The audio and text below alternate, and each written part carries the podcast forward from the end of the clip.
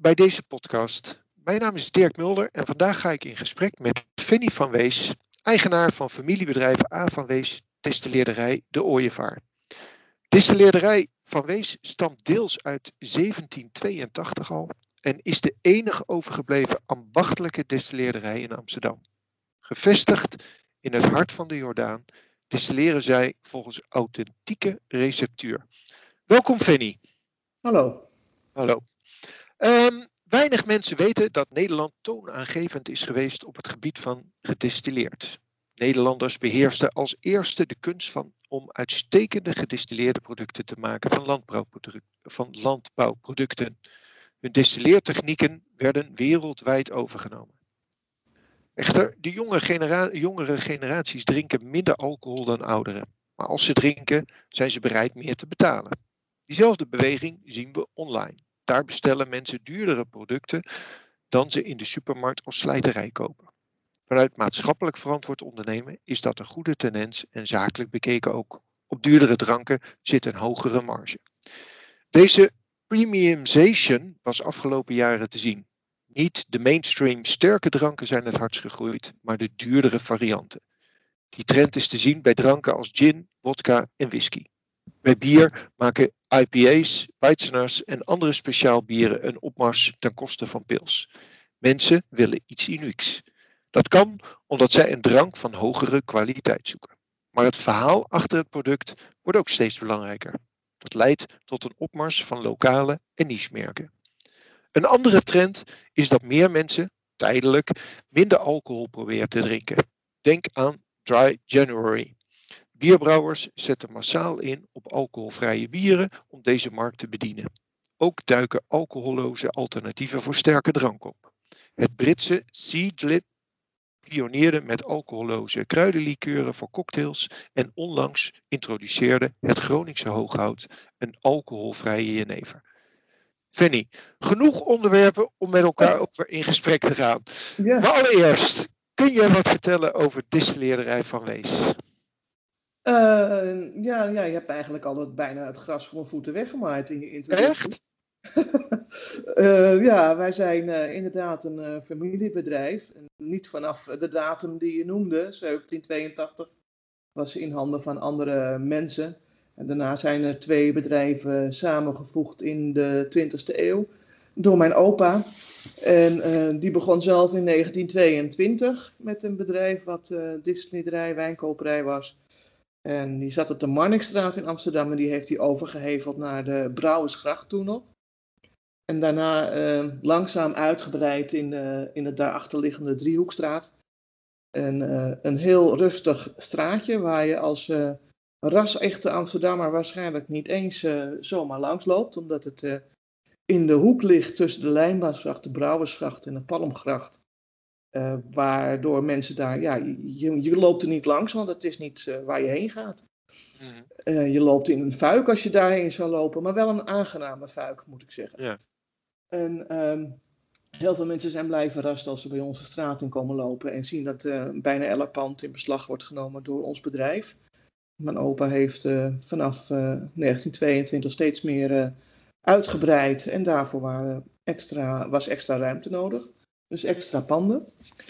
En uh, hij heeft daar uh, een compleet nieuwe, uh, toen de tijd nieuwe distillerij laten bouwen, waar wij nog steeds mee uh, werken. Om ambachtelijk gedistilleerd op de kaart te zetten. En mijn vader, die voor, voornamelijk. mijn vader heeft dat verder uitgebreid. In de tijd dat mijn vader het bedrijf overnam, uh, waren er ook nog wel andere activiteiten, zoals verkoop van frisdrank, uh, bieren. Uh, mijn vader zelf had allerlei agentschappen van mooi buitenlands gedistilleerd, zoals cognac, whisky. hij importeerde wijnen. Maar op een gegeven moment had hij iets van: wij moeten terug naar die core business distilleren. Want dat ja. gaat in Nederland verloren. Dat was in de jaren 70. En dat, uh, dat moeten we behouden. Dat is veel belangrijker dan al het buitenlandse gedoe en, en die import. We moeten zorgen dat dit blijft uh, bestaan in Nederland. Dit vak uh, voeten aan de grond blijft houden. En zo is hij, heeft hij zich volledig gericht op ambachtelijke distillatie. En dat doen we nog steeds. Er is nooit meer enige import bijgekomen. Wij distilleren nog volgens de receptuur die we vanuit de overleveringen vanuit de oude distillerij hebben meegekregen. En uh, van daaruit ontwikkelen we eventueel ook nieuwe producten, maar allemaal gebaseerd op die oude tradities in ook traditionele fijnketels. En daarvoor zijn we ook in 2016 uh, eh, voor onze um, verwoede pogingen om um, dit, vak, dit vak, dit ambacht in stand te houden, op de cultureel, immaterieel cultureel erflijst geplaatst van Nederland. Zo, dat is heel bijzonder. Maar even, even want welke uh, producten of productgroepen produceren jullie? Uh, we maken in eerste instantie esprits. Dat zijn distillaten van uh, alles wat, wat wij lekker vinden, wat je kunt eten en wat goed ruikt en wat we de moeite waard vinden om te distilleren. Dus denk bijvoorbeeld niet aan een kiwi, want dat vinden we de moeite niet waard. Het is een waterig product met weinig smaak, wat ook niet overkomt. Dus veel te dun in smaak. Maar wel uh, mooie rijpe aardbeien, lavendel, rozen, uh, allerlei soorten noten, kruiden en zelfs uh, bieten, knoflook, noem maar op. Dus alles waar wij van denken dat dat is een mooi product, daar hou ik van, daar kan ik wat mee, dat wordt gestookt. En zo hebben we inmiddels rond meer dan 150 distillaten, waarvan we onze likeuren maken maar die we ook als puur product dan iets afgezakt, afgeslapt naar 60%. Iets lager alcoholpercentage dan waarvan het uh, van de ketel afkomt. Um, dat wordt verkocht aan, aan, verwerkende bedrijven, dus de verwerkende sector, de foodindustrie, zoals patissiers, uh, chocolatiers, ijsbereiders, horeca. Iedereen die, die zijn producten wil upgraden met natuurlijke smaakstoffen, die gebruikt onze esprits. Okay. Dus de dus distillaten. ja, dat zijn dus de esprits. En daarnaast? Daarnaast hebben we jenevers en likeuren. Jenevers, dat wordt gestookt van uh, herdistilleerde moutwijn. Moutwijn maken we niet zelf. We kopen dus uh, moutwijn bij verschillende moutwijnproducenten in.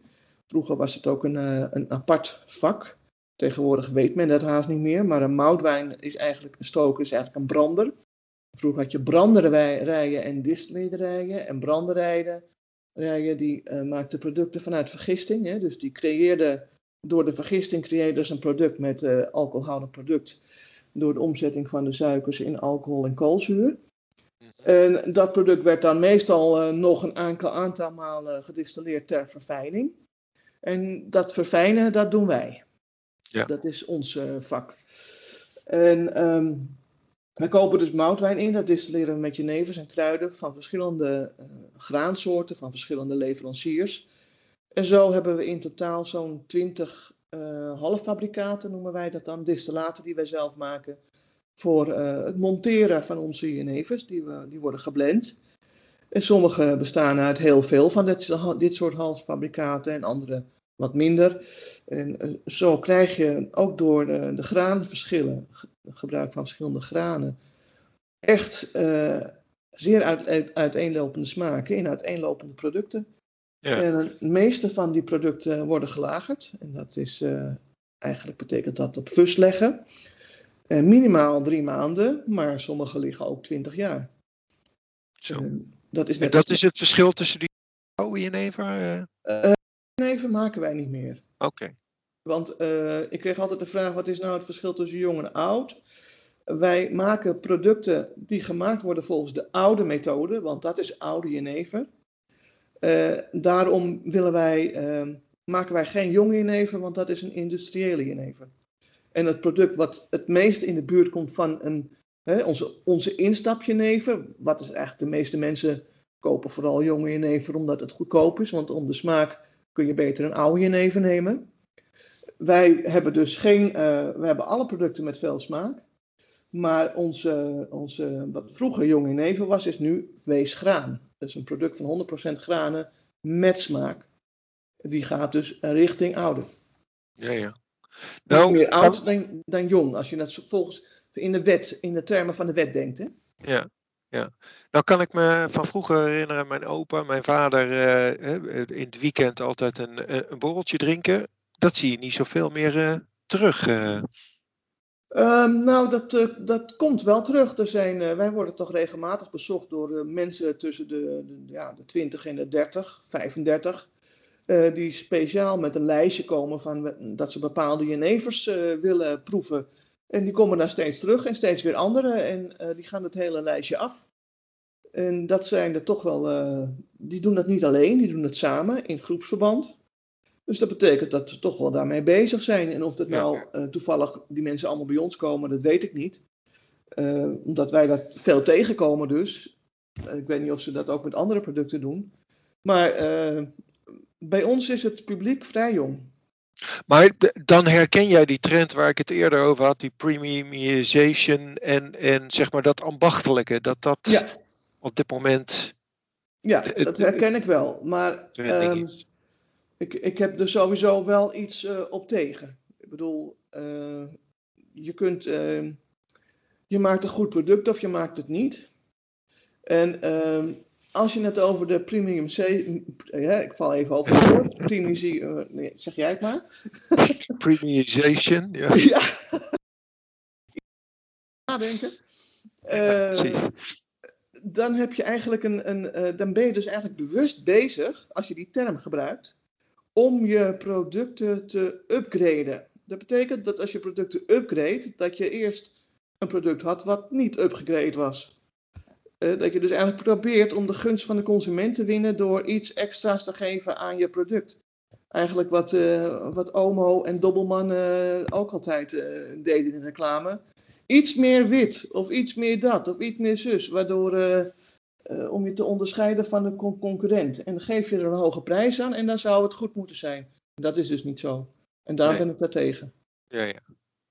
Duidelijk. Want om die reden maken wij een, uh, om even de ginmarkt te noemen. Je hebt een heleboel, um, uh, gin is ineens hip geworden. Dat werd op de een of andere manier, kwam dat een paar huiskamers binnen en, en daar ging het als een malle.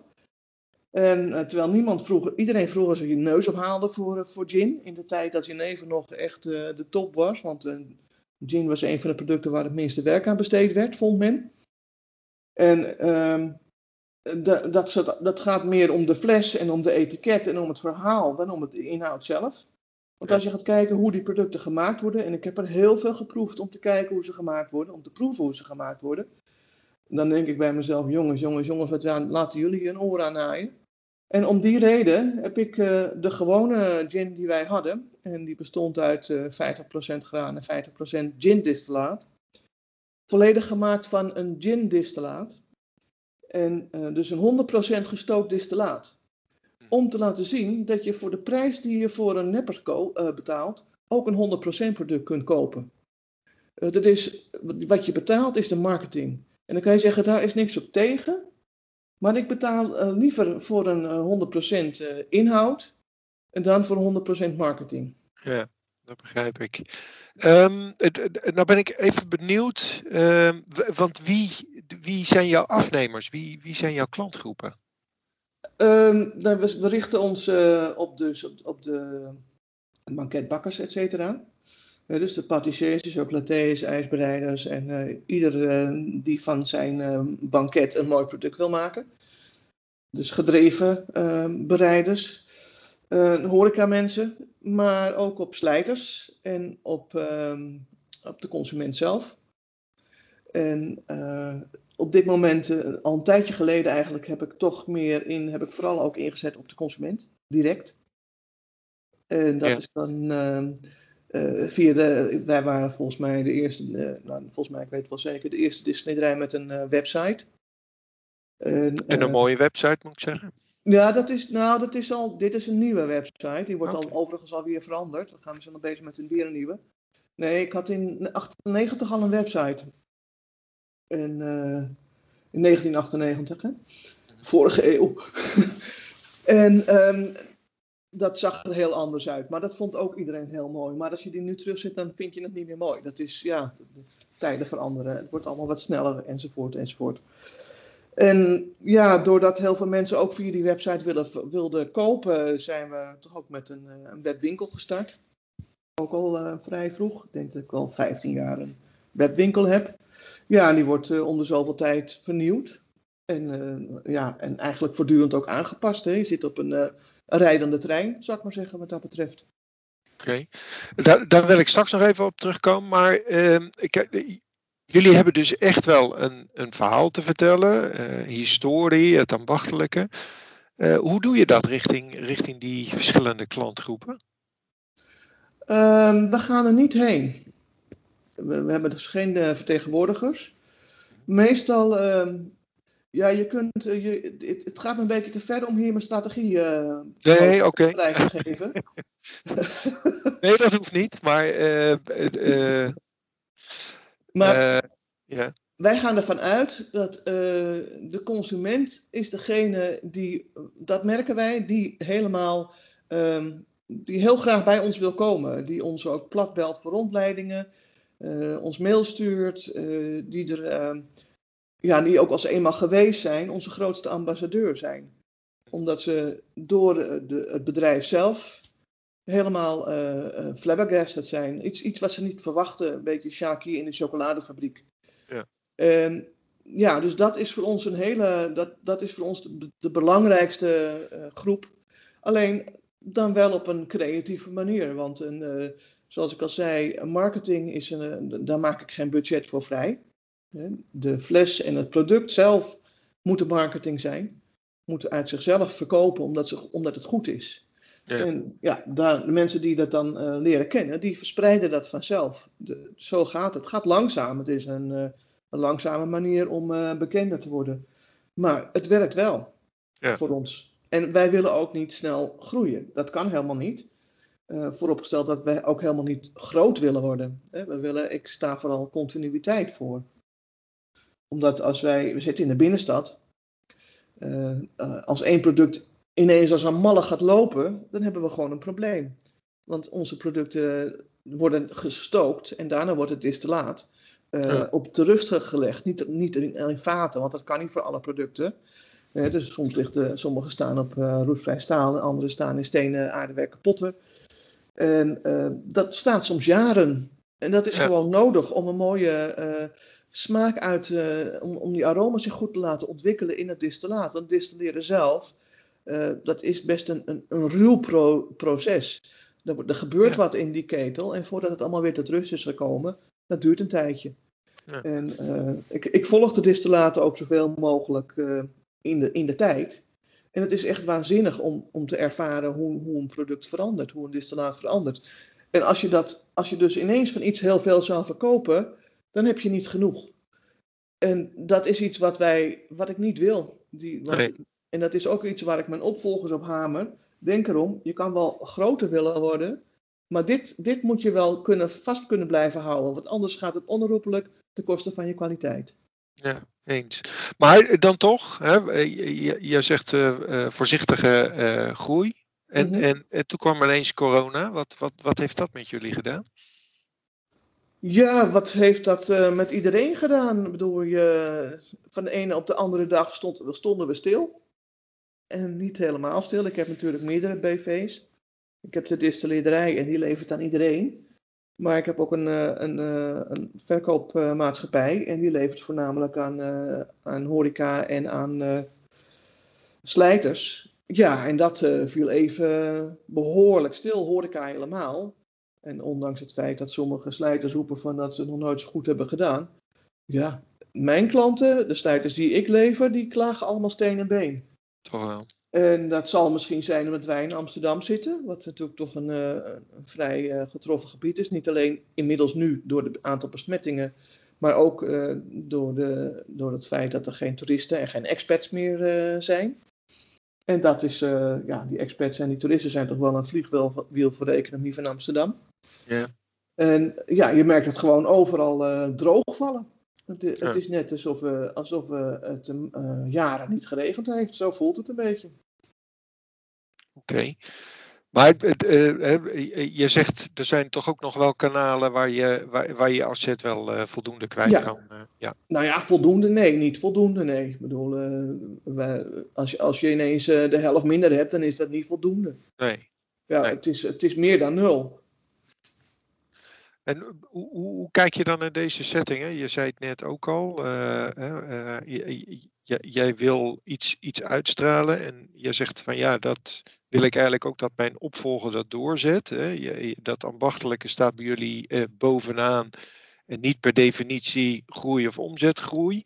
Um, er is nu toch ook wel een trend die je ziet, hè, dat, dat juist die ambachtelijke kleine bedrijven eh, overgenomen worden door grote corporates. Hoe, hoe kijk je daar tegenaan? Is dat jullie toekomst? Of, of... Image building voor de corporates. Mm Ja. Dat, eh, dat, dat, laat ik mij. Uh, nou, ik heb daar niks over te zeggen. Ik kan niet over mijn graf regeren. Maar ik zou dat nooit doen. Want? Het, het, is gebeurd. Ze hebben ons ook, uh, bij ons ook verschillende keren op de stoep gestaan.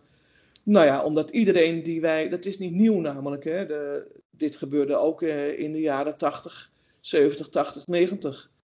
En uh, de bedrijven die destijds zijn overgenomen door de grotere, daar is niks meer van over. Nee. En het zelfs een van die grote die heel veel van dat soort bedrijven heeft opgekocht. Met in hun achterhoofd de wens om gebruik te maken van het feit dat ze een, een merk kochten waarop ze voort konden borduren. Uh, maar vergaten dat als je daarop voor wil borduren, dat je dan ook de kwaliteit van het merk moet blijven voortzetten en niet alleen een etiket. Uh, die, dat bedrijf dat bestaat helemaal niet meer. Dat is uh, nog niet zo heel lang geleden failliet gegaan. dat is ook de oplossing voor die bedrijven niet. Die, die, bedrijven moeten gewoon blijven doen wat ze, wat ze doen. En die ambachtelijke bedrijven moeten doen wat ze doen. En de wet zou uh, verschil moeten maken in wat zij en wat wij doen. Net zoals dat iedereen weet dat een, uh, een, een, gouda kaas of uh, een, kaas die uit de fabriek komt toch wat anders is dan een kaas die bij een boer wordt gemaakt. eens, maar je had het over wet. Waar, waar, waar, waar doel je dan op? nou ja, op dit moment is Jenever is vogelvrij. Er staat niet in de wet omdat de vier landen die over eens moeten worden over de definitie waaraan Jenever moet voldoen, het niet eens worden. En, um, dus iedereen kan alles Jenever noemen. En, of je nou wel of niet alcohol mengt met een, uh, met een smaakstof of heel mooi korenwijn aan het distilleren bent met uh, jeneverbessen en kruidenbetten, be, uh, kruiden. dat verschil kun je alleen maar duiden door het heel duidelijk zelf te vertellen op de fles. Maar als iemand die het niet doet hetzelfde verhaal vertelt, is er totaal geen controle op. Nee. Dus dat is iets wat in, eh, als je in Nederland een reep chocola verkoopt, dan moet er zoveel procent uh, cacao in zitten, zoveel procent melk, uh, zoveel procent bindmiddel, suiker. En dat moet allemaal vermeld worden in de ingrediëntendeclaratie.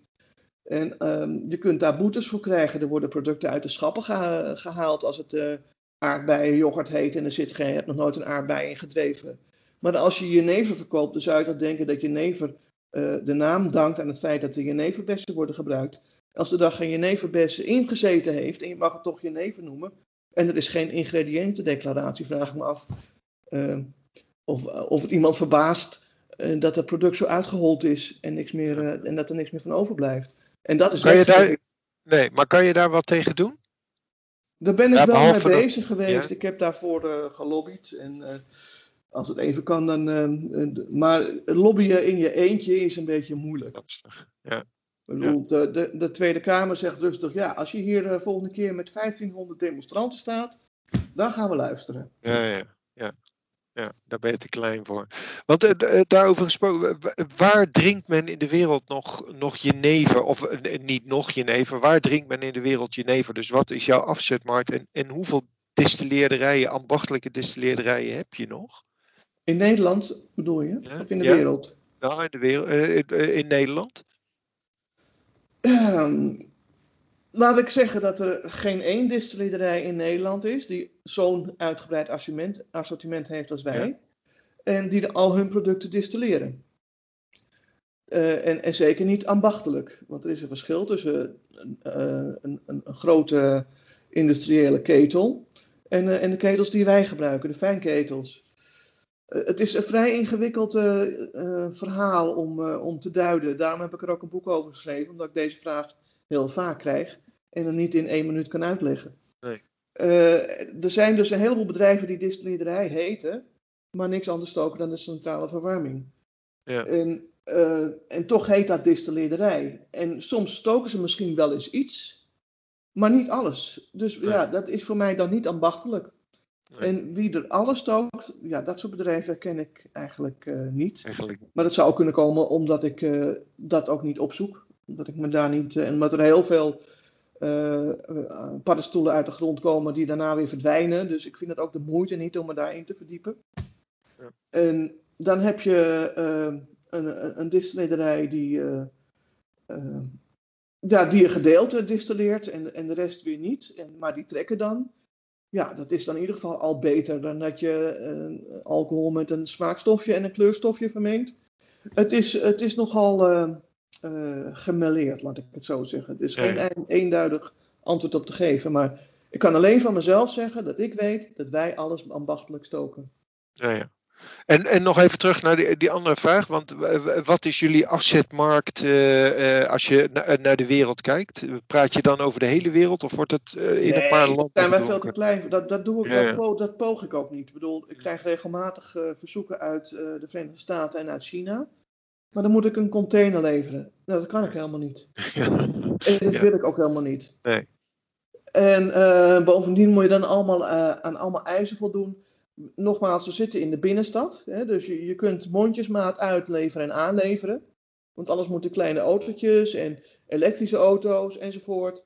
Dus uh, ja, in die zin werken we natuurlijk wel, dragen we wel bij aan, aan een milieuvriendelijke uh, samenleving.